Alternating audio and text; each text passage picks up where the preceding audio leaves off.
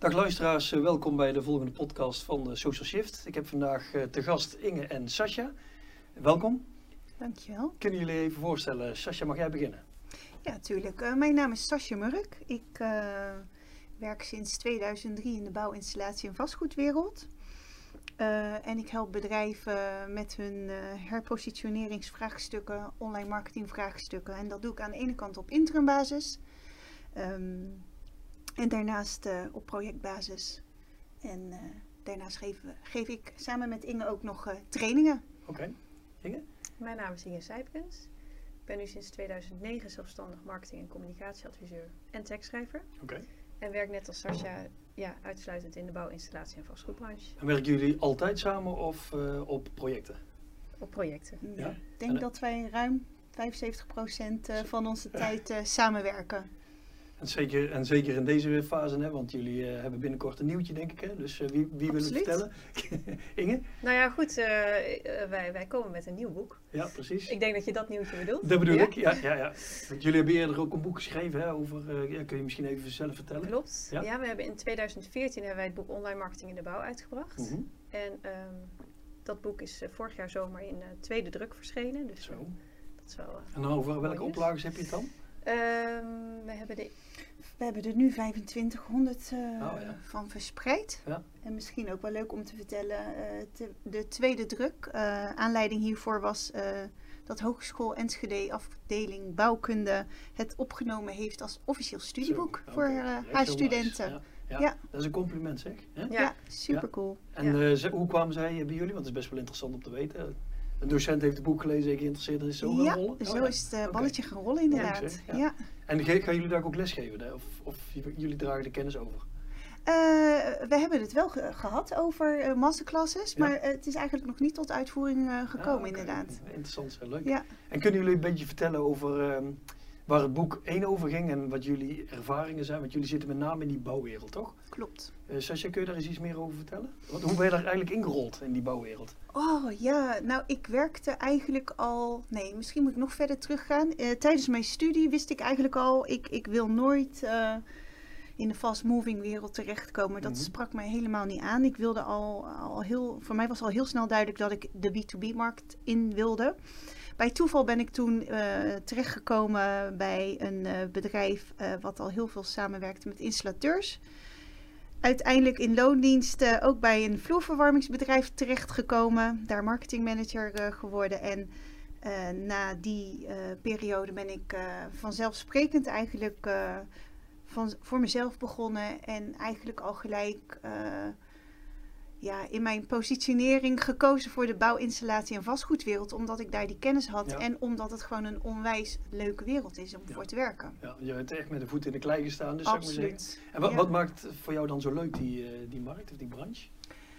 Nou, het leuke van die branche is A, dat er nog heel veel valt te verbeteren binnen die branche. Ja. Ehm, maar wat mij vooral ook aanspreekt, het is echt een branche waar veel dingen gemaakt worden. Er worden woningen gebouwd, kantoren gebouwd.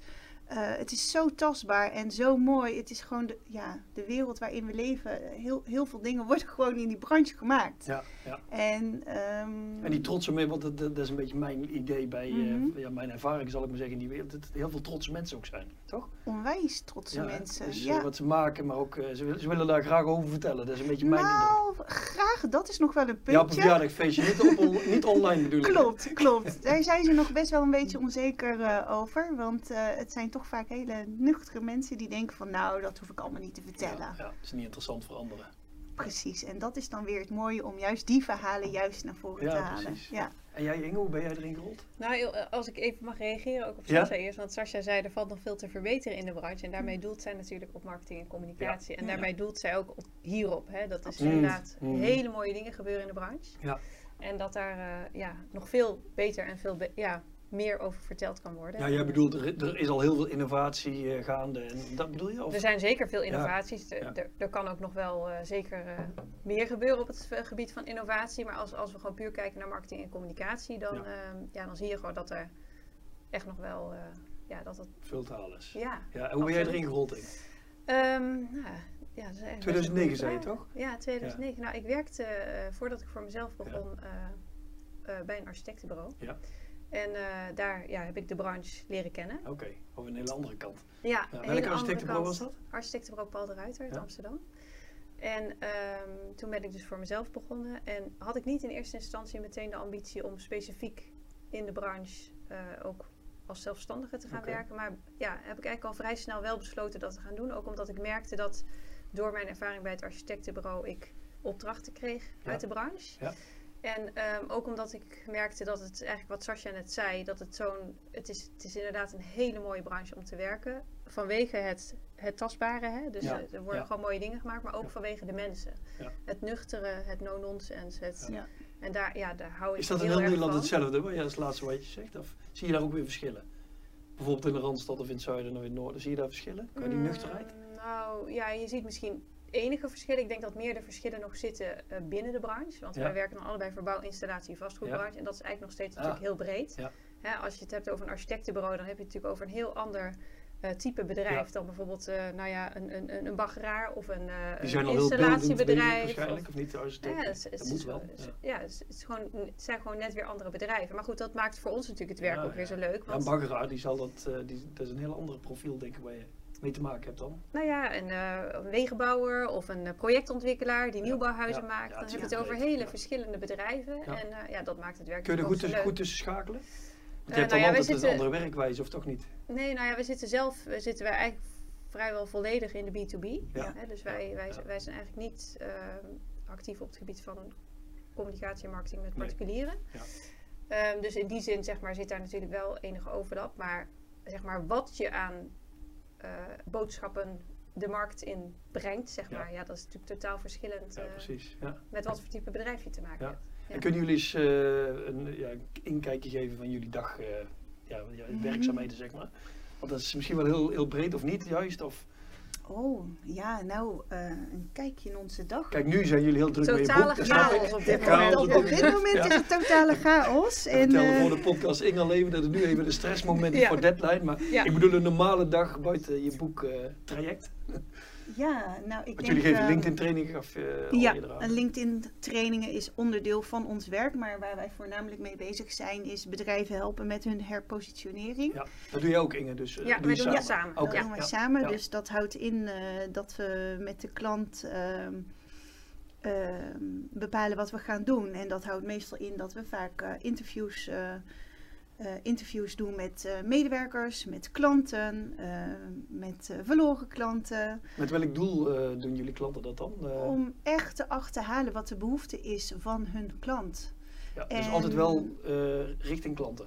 Nooit richting eh, om een employer brand of werkgeversmarkt te Nou, eh, tegenwoordig ook, omdat we zeker nu met ons tweede boek, eh, eh, dan, dan betreft de doelgroep eh, de potentiële medewerker. Dus Ja, dan is het ook ja. eh, belangrijk om die eh, doelgroep te, eh, te interviewen, Ja. omdat zij precies weten waar ze behoefte aan hebben. Als jullie ingehuurd worden, is het dan eh voorheen, nu HR misschien wel, maar voorheen Eh, Andere afdeling? Nu nog voornamelijk eh, richting de klant, maar eh, eh, wij verwachten straks ook eh, heel veel richting eh, die potentiële medewerker eh, te kunnen betekenen, wat kunnen betekenen. En wie is jullie contactpersoon? Kun je daar eens een beetje, is dat eh, aan de commerciële kant, is dat dan... Eh, het is heel verschillend als je het hebt over hè, positioneringstrajecten. Eh, de ene keer worden we gebeld door een directeur-eigenaar, Ja. en dan iemand van de communicatieafdeling. Hangt af van de grootte van het bedrijf? Hangt af Ja. van de grootte van de bedrijven, ja, absoluut. En waar het eigenlijk mee is begonnen, dat, dat, dat heeft ook te maken met de reden waarom we ons eerste boek gingen schrijven, is dat ehm, je zag met de opkomst van sociale media, zag je dat heel veel bedrijven zoiets hadden van hé, we moeten wat met sociale media, we moeten een Facebookpagina, we moeten op Twitter, we moeten Ja. dit of dat. En eh, heel veel bedrijven gingen daar dus maar op. Ja. En vervolgens liepen ze er dus tegenaan dat ze eigenlijk geen idee hadden wat ze er dan mee wilden. Precies, ja. Ehm, en daar kwamen wij tijdens onze trainingen kwamen wij daar, kwamen wij daarachter. Ook omdat je tijdens zo'n training ga je natuurlijk met de mensen hun profielen doornemen. Dan ga je vragen van, goh, waarop onderscheiden jullie je nou? Wat voor boodschap wil je de markt inbrengen? En ja, heel veel bedrijven hadden daar eigenlijk niet zo heel snel een antwoord op. Ja. En dat is de reden geweest dat wij zoiets hadden van, we moeten dat eerste boek gaan schrijven. Dus dat gaat heel, heel erg over, wat is nou je onderscheidend vermogen als bedrijf? Ja.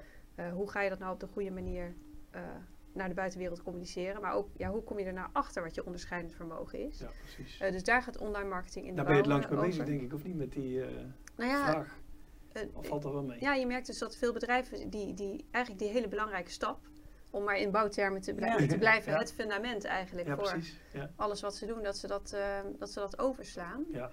En dat, dat is dus wat wij met heel veel bedrijven Dus jullie zitten dus altijd op doen. directieniveau, eh, dan zijn jullie bezig daarmee, denk ik, of niet? Vaak wel, ja. Ja, ja, Want als onderscheidend vermogen, dan raak je best wel Ja. een kern van het Ja, bedrijf in. klopt. Ja, je hebt het dan ook vaak over het DNA van het bedrijf. Precies. Ja. Ja. En is er ook altijd al een visie en een missie bij jullie eh, Nee, relaties? niet. Dus daar moet je ook aan gaan werken. Dus. ja, Zo, soms ja. eh, gaan we die opnieuw schrijven en soms passen we hem aan. Ja, Ja. klopt. Je mag best hoesten in de podcast. Ja. Dus als je helemaal niet Nou ja, Gezien deze tijd ja. lijken we niet echt aan. Oh, maar dat is wel leuk. Dus je bent eigenlijk eh, door in de praktijk bezig te zijn, heb je gezien van hé, hey, er mist iets. En ben je eigenlijk opgeschoven in eh, de keten naar een stukje strategie. Klopt. En dan die herpositionering. Klopt. Zo is het eigenlijk een beetje Ja. gelopen dan. Ja. Nou ja, en om dan de link te maken meteen naar ons tweede boek. Want ehm, eh, je, we begeleiden dan dus de bedrijven met, met, met wat is nou je onderscheidend vermogen en hoe zorg je ervoor dat je die boodschap ja, over Ja. de bühne krijgt. Hè? Ja. En ehm, wij helpen ze dus met een plan, met een strategie. We helpen ze vaak ook met het eerste, ja, de eerste stappen, zeg maar. Hè? Dus eh, gewoon zelfs heel concreet eh, het, het inrichten bijvoorbeeld van kanalen en de eerste ja, content van creëren. Ja. Ja. En een structuur eh, binnen de organisatie maken om dat vol te houden. Ja. En dan merk je dus dat, ehm, eh, dat, dat hè, dat wisten we natuurlijk al, maar dan merk je het in de praktijk, dat als je de gevleugelde uitspraak, als je buiten wil winnen, dan moet je binnen beginnen. Precies. Ja. En dat die interne communicatie dus echt een essentieel onderdeel vormt van een succesvolle externe 100% eens. communicatiestrategie. Ja, ja. En dat wordt vaak vergeten. Hè? dat wordt vaak Ja. Vergeten. heel vaak Je hebt je vergeten. mensen nodig uit het werkveld om, eh, ja, om echt on- de onderscheidende dingen te laten zien vaak. Hè? Ja, Hey, dat, die, die onderwijsinstelling in Enschede, was dat de universiteit of HBO? HBO, Saxion. Saxion Hogeschool. Saxion, Oh, ja, ja. Ja. En, en wanneer eh, begint dat of is dat al opgenomen in het... eh, Ja, zij hebben vorig jaar eh, zijn de eerste studenten al eh, begonnen met het lezen van ons boek. En eh, afgelopen september is het tweede schooljaar eh, begonnen. En ze, le- en ze leren dan zeg maar inderdaad vanuit die strategie zeg maar naar een stukje implementatie, storytelling en vanuit die cases Ja. die jullie maken krijg je een stukje inspiratie. Is dat? ja, die cases zijn echt bedoeld om verhalen te vertellen. Wat eh, hebben andere bedrijven nou a- uit de branche eh, geleerd? En, Ja. eh, maar vooral ook om inspiratie eh, op te doen Ja. voor hun eigen Voor die bedrijf. studenten. Dus ze leren echt van eh, het plan en implementatie, maar dan ook met voorbeelden. Ja. Dat is voor een student natuurlijk eh, fantastisch om... Ja, gaan absoluut. gaan, denken ze dan dat ze daar dan ook stageplekken mee kunnen krijgen bij bijvoorbeeld die cases? Is dat Ik heb een- geen idee. Afdeling bouwkunde is natuurlijk niet een marketinggerichte Nee. opleiding, maar ze krijgen wel marketing. Ja. Eh, dus in die hoedanigheid lezen zij het boek. Ja. En ehm, Dat is een groot compliment. Dus eh, wil dat zeggen dat jullie een van de weinigen zijn die zich zo specialiseren in deze branche? Of in ieder geval, of misschien wel een boek hebben geschreven in deze branche? eh, er zijn inderdaad denk ik niet veel mensen die... Nou ja, ik weet natuurlijk van, eh, ik, heb, ik heb meerdere boeken Ja. gemaakt, ook met, eh, samen met Mariette Rutte. Zij is ook wel eh, bekend, zeg maar een bekend personage Ja. in de bouw, maar te Ja. zeggen. Dus er zijn zeker wel meer boeken zeg maar, die zich specifiek op de bouw richten.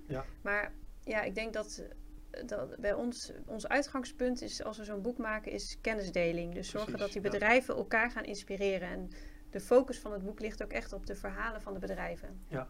En dat is nu met ons tweede boek ook weer zo. Hoeveel, En dat is dus een hele praktische aanpak. En Ja, ik, ja, wij denken dus ook dat dat eh, is waar bedrijven eigenlijk Aanslaat, het ja. meeste behoefte aan hebben. Gewoon Ja. praktische verhalen. Hoe doen andere bedrijven het nou? Waar lopen ze tegenaan? Wat, wat is goed geslaagd? Wat misschien minder goed geslaagd? En zie je dat dan ook dat die bedrijven elkaar benaderen dan doordat ze dat hebben gelezen? Of, of moeten jullie daar een verbindende rol in zijn? poeh.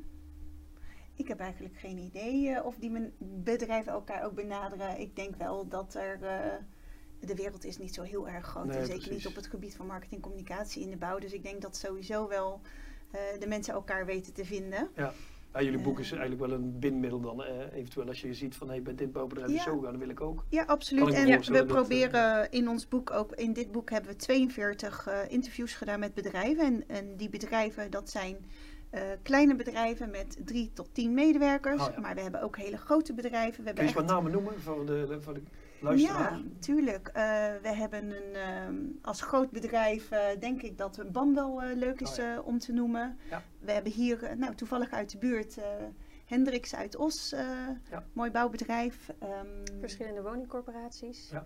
ehm, installatiebedrijven, leveranciers van bouwmaterialen. Ja, vastgoed onderhoudsbedrijven, diverse. Ja, zijn er nog wat bekende namen voor, voor de luisteraar, dat er een stukje herkenning nou ja, bijvoorbeeld Stedin, de netbeheerder, hebben we een verhaal van opgetekend. Ehm, eh, Installatiebedrijf Verspeek, voor uit de branche ook een hele bekende Oh, ja. speler. Ja, ja. Boskalis Oh, ja, is een ja, bekende ja. naam natuurlijk. En in die eerste, dat eerste boek van jullie stonden Ja. er ook zoveel cases in? Nee, toch? Ja, ook, zoveel? 42. Oh ja? Ja, ook Dat is 42. een hele klus, hè? Ja, Ja, dat ja. is... eh, dat gaf je ja. al aan, hè? Ja. Dus eh, dan eh, is het opgeschreven en dan ja, de Ja. respons. En de, want dan krijg, krijg je dan heel veel respons als je een case hebt opgeschreven. Want dat doe je samen met eh, je relatie natuurlijk. Ja. Dan, Nou ja, goed, we, we stemmen natuurlijk de, de tekst eh, en de beelden af. Maar op Ja. het moment dat het is opgemaakt, eh, dan, eh, ja, dan moet je natuurlijk weer puzzelen van hoe komt alles nou goed op één Precies. spread. En dan Ja, is de tekst ja. net te lang en dan moet weer korter. Ja. En dan, nou ja, dus eh, zo, zo ben je natuurlijk eindeloos aan het puzzelen. Ja, ik heb vorige week al een beetje mogen kijken, want Ja. ik vond het er echt heel mooi uitzien. Dus eh, Ja. ik zou het zeker aanraden voor de luisteraar. Ja. Ehm, en ehm, als je zegt van 42 cases, dan zijn dat echt 42 he- totaal verschillende verhalen. Ja. Ja, dat Ja. vind ik echt knap. Ja, nou ik. ehm, eh, rode draad is wel eh, dat bijna al die bedrijven hele betrokken medewerkers hebben. Ja. En dat is eigenlijk denk ik wel de grootste succesfactor. Eh, wil je werken aan je, aan je werkgevers? Dat was jullie uitgangspunt ook, daar heb je zo op getarget? Of dat... Ehm, nee, daar hebben we niet op getarget. Het- wij hadden zelf al wel natuurlijk eh, het gevoel eh, wat succesfactoren zijn voor een goed sterk werkgeversmerk. Ja. Maar als je dan uiteindelijk alle bedrijven interviewt en je krijgt daar dan van ook de bevestiging, Mhm. Ehm, ja, dan is dat wel mooi om terug te horen. En eh, het ene bedrijf ehm, is er heel actief mee bezig met op zoek gaan naar het DNA, naar de kernwaarden. Eh, maar we hebben ook bedrijven geïnterviewd die het weer op een hele andere manier hebben aangevlogen. Wa- waarbij bijvoorbeeld het al van eh begins af aan al ehm, in, in het cultuur zat, in het DNA van het bedrijf zat om de medewerkers centraal te zetten in, Ja. in de bedrijfsvoering. Ja, ja. Maar we hebben ook bedrijven gesproken die ehm, bijvoorbeeld een wervingsprobleem hebben. En die hebben het aangevlogen via een succesvolle campagne. Ook weer een Ja. hele andere insteek. ja. En zo hebben we... Ja, Als jullie niet getarget hebben, je vindt toch 42 cases Ja. van allemaal de medewerkers centraal en ze heel veel bezig zijn, wil iets zeggen over de branche, vind ik hoor. Toch? ja, nou absoluut. Kan toch haast geen toeval zijn, dus heel veel bedrijven zijn daar toch echt mee bezig dan. Ja. Er zijn veel bedrijven mee bezig, maar ook heel veel bedrijven niet. Ja, maar die denken er in ieder geval over na alvast. Lijkt me dat Ik, toch. ik hoop dat ze geïnspireerd worden Ja. door alle verhalen Ja, in het boek om ook actief eh, daarmee bezig te zijn. Want het is zo belangrijk eh, om je medewerkers te betrekken bij je, beleid, bij je Ja, beleidsvoering. En dat is vaak eh, heel, heel moeilijk. Hè. Wij hadden het voor, dit, voor deze podcast al even over Mhm. onze eigen methodiek, die daar ook mee bezig is. Mhm. Ehm, dat is het moeilijkste volgens mij, om die medewerkers actief te houden en eh, ze te laten zien welke content is nou belangrijk. Want hoe zien jullie dat? Als je kijkt naar het meest succesvolle bedrijf tot en met het bedrijf dat nog moet beginnen. Leiderschap. Ja. Ja. Ja. Ja. Dus eh, dat, eh, eh, leiderschap speelt een extreem belangrijke rol in één voorbeeld, voorbeeldfunctie en Ja. twee inspiratie geven. En je ziet bij bedrijven met echt inspirerend leiderschap, Ja. met ehm, leiders die, die, die het goede voorbeeld geven, Ja. maar ook echt een mooi visionair verhaal vertellen Mooi, over ja. waar het met het bedrijf naartoe moet en eh, ja, wat, wat belangrijk is. Dus echt Ja. die kernwaarden eigenlijk van het bedrijf continu uitdragen. Ja. Daar zie je dat het, eh, dat het eigenlijk ja, geen moeite kost om, om medewerkers te enthousiasmeren, omdat die, dat, dat die dan eigenlijk vanuit zichzelf al die boodschap Ja. mede gaan Ja. uitdragen. En die bedrijven zijn ook succesvol waarschijnlijk. Ja, die zijn absoluut Ja, succesvol. absoluut. Ja. Ja. Ja. En, en die, die, eh, dat leiderschap, dat is vaak een directeur of een eigenaar. of, Mhm. nou, die, dat is denk ik vaak een innovatief persoon, of toch niet? Het niet altijd? Niet per se. Het Nee? is ook niet altijd de directeur-eigenaar. Het, het, het wordt in alle lagen, het ligt eraan hoe groot het bedrijf is, eh, doorgevoerd.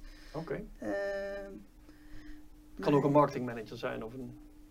Eh, mm, ja, kijk. Is het vaak niets met kernwaarden en visie missie? Dat Nou, ik denk dat de visie echt essentieel is voor Ja. een bedrijf. Die moet Ja. doorgevoerd zijn, die moet bekend zijn bij eh, de gehele organisatie, bij elke medewerker. Ja.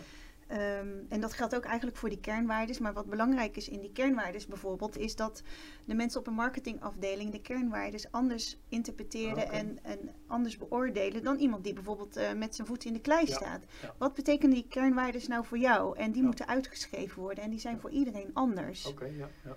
Ehm, en wat Inge al aangaf, leiderschap is daarin essentieel. Goed voorbeeldgedrag, eh, open communicatie. Ja, dus je wil zeggen, je kunt leiderschap per, misschien wel per afdeling hebben.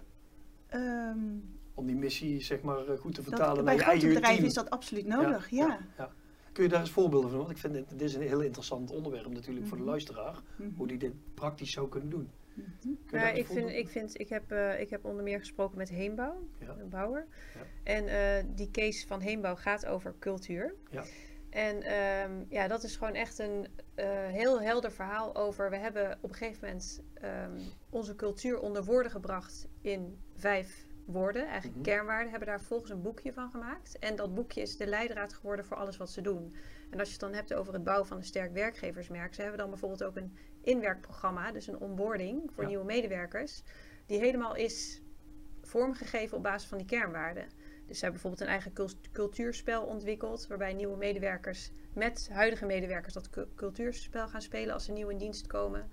Ehm, maar bijvoorbeeld ehm, ja, het ritueel van afscheid nemen is daar ook heel belangrijk. Dus als medewerkers uit dienst gaan, dan is dat altijd echt een, ja, een bijeenkomst waar Een hele happening. ja, nee, maar waar ook echt aandacht wordt besteed aan bijvoorbeeld een goed verhaal maken ehm, om, om diegene als het ware uit te zwaaien. Ja. En eh, dat verhaal gaat heel erg over het belang van rituelen en eh, gebruiken binnen je organisatie om, om een cultuur levend te houden. Ja. En eh, ja, daar, daar is inderdaad ook leiderschap eh, is daar heel belangrijk. En, en zie je ook veel in de, in de bouw is duurzaamheid natuurlijk eh, het woord eh, Mhm. van de laatste jaren. Zie je dat ook heel veel terugkomen in de missie van het bedrijf? Dat ze ook echt iets willen bijdragen aan de wereld, zal ik maar zeggen. Bij, bij grote bedrijven speelt dat volgens mij heel erg. Ja, nou, eh, eh, duurzaamheid is een term. eh, het is bijna een beetje een containerbegrip geworden. En zeker ook in de bouwbranche. Wat belangrijk is, is als je zegt dat je duurzaam bent, dat je dat ook echt doorvoert in Ja, je bedrijfsvoering. Precies. Ja. Dus als je zegt dat je duurzaam bent, dat je dus niet aankomt rijden met bijvoorbeeld eh, auto's die nog op diesel rijden. Ja. Eh, dus als je het zegt, maak het dan ook waar. Ja, ja. En dat is Ja. wel heel erg belangrijk. En komen jullie ook bijvoorbeeld, ik weet niet of kennen jullie de Global Goals ook? Kennen jullie dat toevallig? De Nee. duurzaamheidsdoelen die allerlei overheden ooit een keer hebben afgestemd met elkaar om de wereld een beetje beter te maken. Mhm. Dat Parijs bedoel je? Of, eh? Ja, ik weet niet waar het precies was, Oh, maar... ja, eh, Klimaat- het klimaatakkoord van Parijs. Ja, het ging niet zozeer over klimaat. Duurzaamheid heeft natuurlijk veel Hmm. breder. eh, Ja. dat zijn, daar zijn 17 doelen gedefinieerd. Ja. We zijn er toevallig zelf mee bezig. En je, Ja. je merkt dat grote organisaties er heel veel mee bezig zijn. Ja. Dus eh, daar zou je maar eens een keer moeten opzoeken. Ik denk dat voor grote organisaties denk dat ze allemaal bezig zijn. Maar als je die in je missie zeg maar verwerkt, dan eh, kun je nog succesvoller zijn. Ja. Want medewerkers willen graag iets bijdragen aan de wereld. En Nou ja, dat is ook denk ik steeds eh, belangrijk. We Dat is hebben ook een hele mooie, heel mooi verhaal in het boek van, eh, van het bedrijf Zelfstroom. Dat is een relatief jong bedrijf. Ja. En ehm, eh, we hebben ons natuurlijk ook verdiept in, in, in generaties hè, voor dit boek. Want je, hebt, je hebt inmiddels vier verschillende generaties Ja. op de werkvloer. Dat kan best ingewikkeld zijn, want de, zeg maar de oudste generatie heeft hele andere behoeftes dan die nieuwe generatie. Ja. En ehm, eh, je ziet bijvoorbeeld bij die nieuwste generatie inderdaad eh, de behoefte aan eh, ja, een, een bijdrage leveren eigenlijk aan een betere Ja. wereld. Overigens zie je ook dat die bij de jongste groep een hele sterke... Je hebt daar aan de ene kant idealisten, zoals ze dat noemen. Ja. Dus inderdaad de groep die graag een bijdrage wil leveren aan een betere samenleving. Ja. Maar je hebt ook de groep materialisten. Dus dat is wel een groep die sterk verdeeld is. Maar, ehm, maar inderdaad, het is, het is wel bekend dat de jongere generatie zich graag ehm, aansluit, om het maar even zo te zeggen, bij een bedrijf of zich associeert met merken die Die Eh, duidelijk- betekenen ja, duidelijke betekenis. Ja. En, en dat is dus inderdaad bij, bij zo'n bedrijf als Zelfstroom. Ja. Die werven ook echt vanuit die missie van we willen de wereld beter achterlaten Ja. Ja. voor nieuwe generaties. En dat is, eh, dat, is, dat is een verhaal wat absoluut aanslaat op de arbeidsmarkt. Het is ook echt een online marketingbedrijf eigenlijk, of niet zelfstroom? Eh, tenminste zijn er heel erg gedreven in, dacht ik. Nou ja, als je ze op de socials ziet, zeg maar, Ja. ehm, eh, gewoon op Facebook, Instagram, eh, wat dan ook, dan uh, kijk, wij kijken natuurlijk naar hun recruitmentactiviteiten en Ja. naar de manier waarop zij zich als werkgeversmerk. Maar uh, de manier waarop zij klanten werven is ook heel, ja, dat, is, dat zit heel goed in elkaar. Je Ja. ziet gewoon dat het verhaal wat ze hebben, dat, dat ze dat in alle boodschappen die ze de wereld insturen, zit dat verhaal erin. Het is Ja. ook echt, hè, want ze Ja. tot aan de visitekaartjes aan toe Ja, is helemaal doorgevoerd. is, ja, is dat is bedrijf duurzaam. Ze lunchen biologisch. Als ze uitje hebben, eh, dan, dan zorgen ze voor een duurzame activiteit. En Ja. ja, dus het is, het, is een echt ja. verhaal. ja, ik denk dat het heel sterk is in deze Ja. Ja. tijd. En, eh, Ja. en, en eh, Zelfstroom is dus ook een case in jullie eh, Ja. Ja. tweede boek. Ja. Ja. Oké, dus dat is een, eh, ook weer een, ja, een hele andere tak dan weer als Kees die je boek hebt eh, omschreven. Zelfstroom is natuurlijk installatie en zonnepanelen. Ja. Daar zitten ze vooral Ja. in. Hè? Ja. Dus dat is weer een hele andere tak als, eh, ja, we hebben het straks infra en Ja, maar dat is inderdaad natuurlijk het Dat is het heel leuk, Het ja, is een ja. installatiebedrijf. dus Zeker, dat- ja. ja, dat Ja, is ja. inderdaad. Oké, ehm, jullie werken dus heel veel met medewerkers, want die zetten jullie centraal. Hè? Of in ieder geval, dat is het advies. Eh, noemen jullie die dan ook eh, ambassadeurs, of merkambassadeurs van de organisatie? Of wordt die term niet door jullie gebruikt? Of door jullie klanten? Ja, of een, eh, de ene keer zeggen we het zijn, het zijn ambassadeurs voor de organisatie. En de andere keer zeggen we elke medewerker is een marketeer tegenwoordig. Oh ja, ja. Ja, absoluut. Iedereen is En krijgen die dan een bepaalde rol of zo? Want, want als jullie op een gegeven moment dat plan klaar hebben, Ja. dan heb je bepaalde medewerkers nodig, denk ik, om de content uit die organisatie te halen. Of doe je dat anders? Want uiteindelijk zijn die verhalen uit de organisatie Mhm. nodig om eh, je strategie zeg maar te Ja, het verschilt natuurlijk heel erg per bedrijf. Hè? Dus we ja. komen ook wel eens bij ve- veel kleinere bedrijven. En dan, dan kan zeg maar een, een, een simpel appgroepje waar Ja, iedereen precies. in zit, Ja. Kan dan al heel eh, slim zijn. Met gewoon de vraag, jongens, eh, als jullie ergens op de bouw hebben, een leuk moment, stuur een foto. En, dus dat, zoiets simpels kan dan al helpen. Ja. Ehm, maar ja, het komt ook voor dat we inderdaad heel veel eh, medewerkers eh, van een bedrijf trainen. Ja. Dus dan Ja. sim- ja, met z'n allen in een eh, ruimte. Ja, dat is nu met corona natuurlijk even Een anders. beetje maar- lastig. maar eh, ja, dus dat nieuwe verhaal eigenlijk met, met iedereen delen. En, eh, en vervolgens ook echt meteen in alle profielen van, eh, van de medewerkers doorvoeren. En Ja, ze dus in eh, alle komt dan de handvatten, kernwaarde, visie, missie ja, terug. en de handvatten Ja. geven om, om daar vervolgens ook eh, ja, in hun communicatie eh, uiting aan te geven. En dan zie je ook dat die medewerkers zelf een bijdrage gaan leveren in het aanleveren van foto's en video's uit werk. Ja, Uiteindelijk wel, Ja. ja. Ja. ja. En hoe borg je dat, zeg maar? Want onze ervaring is een beetje dat je dan een training geeft, twee, drie weken actief en dan daarna Mm. zakt het het is heel, weg. heel wisselend, maar als Ja. medewerkers eh, zelf de successen gaan zien en de reacties Precies. krijgen, Dan krijg je die ook dan, dan kost het bijna geen moeite meer om eh, die medewerkers eh, eh, content te laten genereren. En wat Inge aangaf, het wisselt heel erg per bedrijf. We komen bij bedrijven waar monteurs op de werkgroep in een, in een groepsappje zitten en die af en toe een fotootje of een, een, een, een tekstje delen met eh, iemand van de marketingafdeling of gewoon met iemand anders uit de organisatie. Maar we komen ook bij bedrijven eh, waarbij we ze helpen met het interviewen van eh, medewerkers en dan halen we zelf de verhalen op en dan eh, En dan worden die ondersteun je gebruikt. echt om die verhalen op te halen, zeg Ja, maar. ja. Ja, kijk, het mooiste is natuurlijk dat ze het uiteindelijk allemaal zelf Ja, doen, maar het lukt niet altijd. Even, ze hebben even hulp nodig in het begin om te leren natuurlijk. Klopt, ja. Ja. En er Ja. zijn ook bedrijven die zeggen van eh, we willen heel graag zelf trainen, eh, zelf eh, schrijven. Kunnen jullie, jullie ons daarmee helpen? En dan, dan verzorgen we bijvoorbeeld een blogtraining, geven ze echt concrete handvaten, Ja. handvatten. En dan zie je ook echt dat mensen ook echt zelf kunnen schrijven. Want uiteindelijk is dat Mm. nog, nog steeds de meest persoonlijke manier dat je het zelf opschrijft. Ja, ja. Dus er moet ook een gedragverandering plaatsvinden. Ja. Toch? En, en dat is een stukje, jullie doen dat vanuit die inspiratie en laten zien hoe dat werkt. Inspiratie en van daaruit Ja. komt dan een stukje gedragverandering. Ja, dwang, dwang werkt sowieso eh, niet. Nee, dat zal jij, nee. jij kunnen beamen. Nee, Nee. Dus het gaat echt gewoon om de mensen die dat, die dat leuk vinden en die daar open voor staan en Ja. die er interesse in hebben. En die groep, ja, die wil je natuurlijk uiteindelijk steeds groter maken. Doordat, je, doordat die weer anderen Ja. inspireert van... hé, hey, kijk nou eens hoe leuk het is. Ik heb eh, iets geplaatst en ik heb allemaal reacties en ik krijg Ja. complimenten. En zo hoop je natuurlijk dat dan steeds meer medewerkers daar feeling mee gaan krijgen. En zien jullie daar verschillen in tussen, misschien met leeftijd of zo, die meest actief zijn, of maakt dat niet uit? Zie je de jongeren wat vaker eerder actief dan wat ouderen? Of, Mm, nou, of het gaat meer over hoe trots ze zijn en eh, ja, ze moeten natuurlijk met telefoon om kunnen gaan. Ja. Nou, het, het, het wisselt heel erg. Ja, er zijn wel, ook ja. zeker wel mensen van de wat oudere generatie die het ook ontzettend leuk vinden Ja. om hun verhalen en kennis te delen. Maar je kunt niet zeggen van de jongeren zijn meer sneller actief dan de wat Ze ouderen. zijn of- misschien wat vaardiger op social precies, media, ja. maar het is niet zo dat ze daardoor eh, Nee, nee, dus daar zie je eigenlijk geen verschillen in. eh. weinig, denk ik. En als je het hebt over eh, jullie boeken, hè, inmiddels, want de, de tweede is gewoon klaar, zeg maar even. Ja. Ene nog even. Dus boek 1 die, eh, is het, het grote verschil, zeg maar, de, eh, de doelgroep voor wie het geschreven is? Is dat het grootste verschil? Eh, nee, eigenlijk niet. Ik denk dat de doelgroep is, is in het tweede boek wel iets breder geworden. Het eerste boek is vooral geschreven voor marketeers, directeuren, eigenaren. En wie dan ook met zijn merk aan de slag wil gaan. En ehm, bij dit boek zullen er wat meer mensen van de HR-afdeling of recruiters...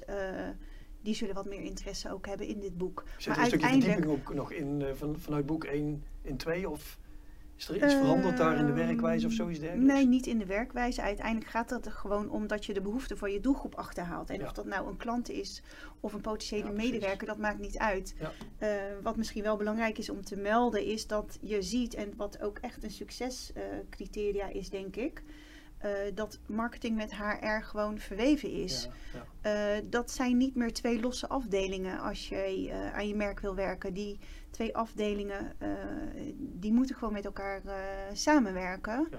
En eh, dat is denk ik ook wel iets eh, wat eh, in ons boek naar voren komt. Oké, sterk, ja. Ja. Maar bij grote bedrijven zie je dat HR-afdelingen marketeers gewoon gaan aannemen. Ja. Of al in het team hebben zitten. Nou, sterker nog, er zijn echt al afdelingen. Bij de grote bedrijven zie je zelfs al recruitment marketeers.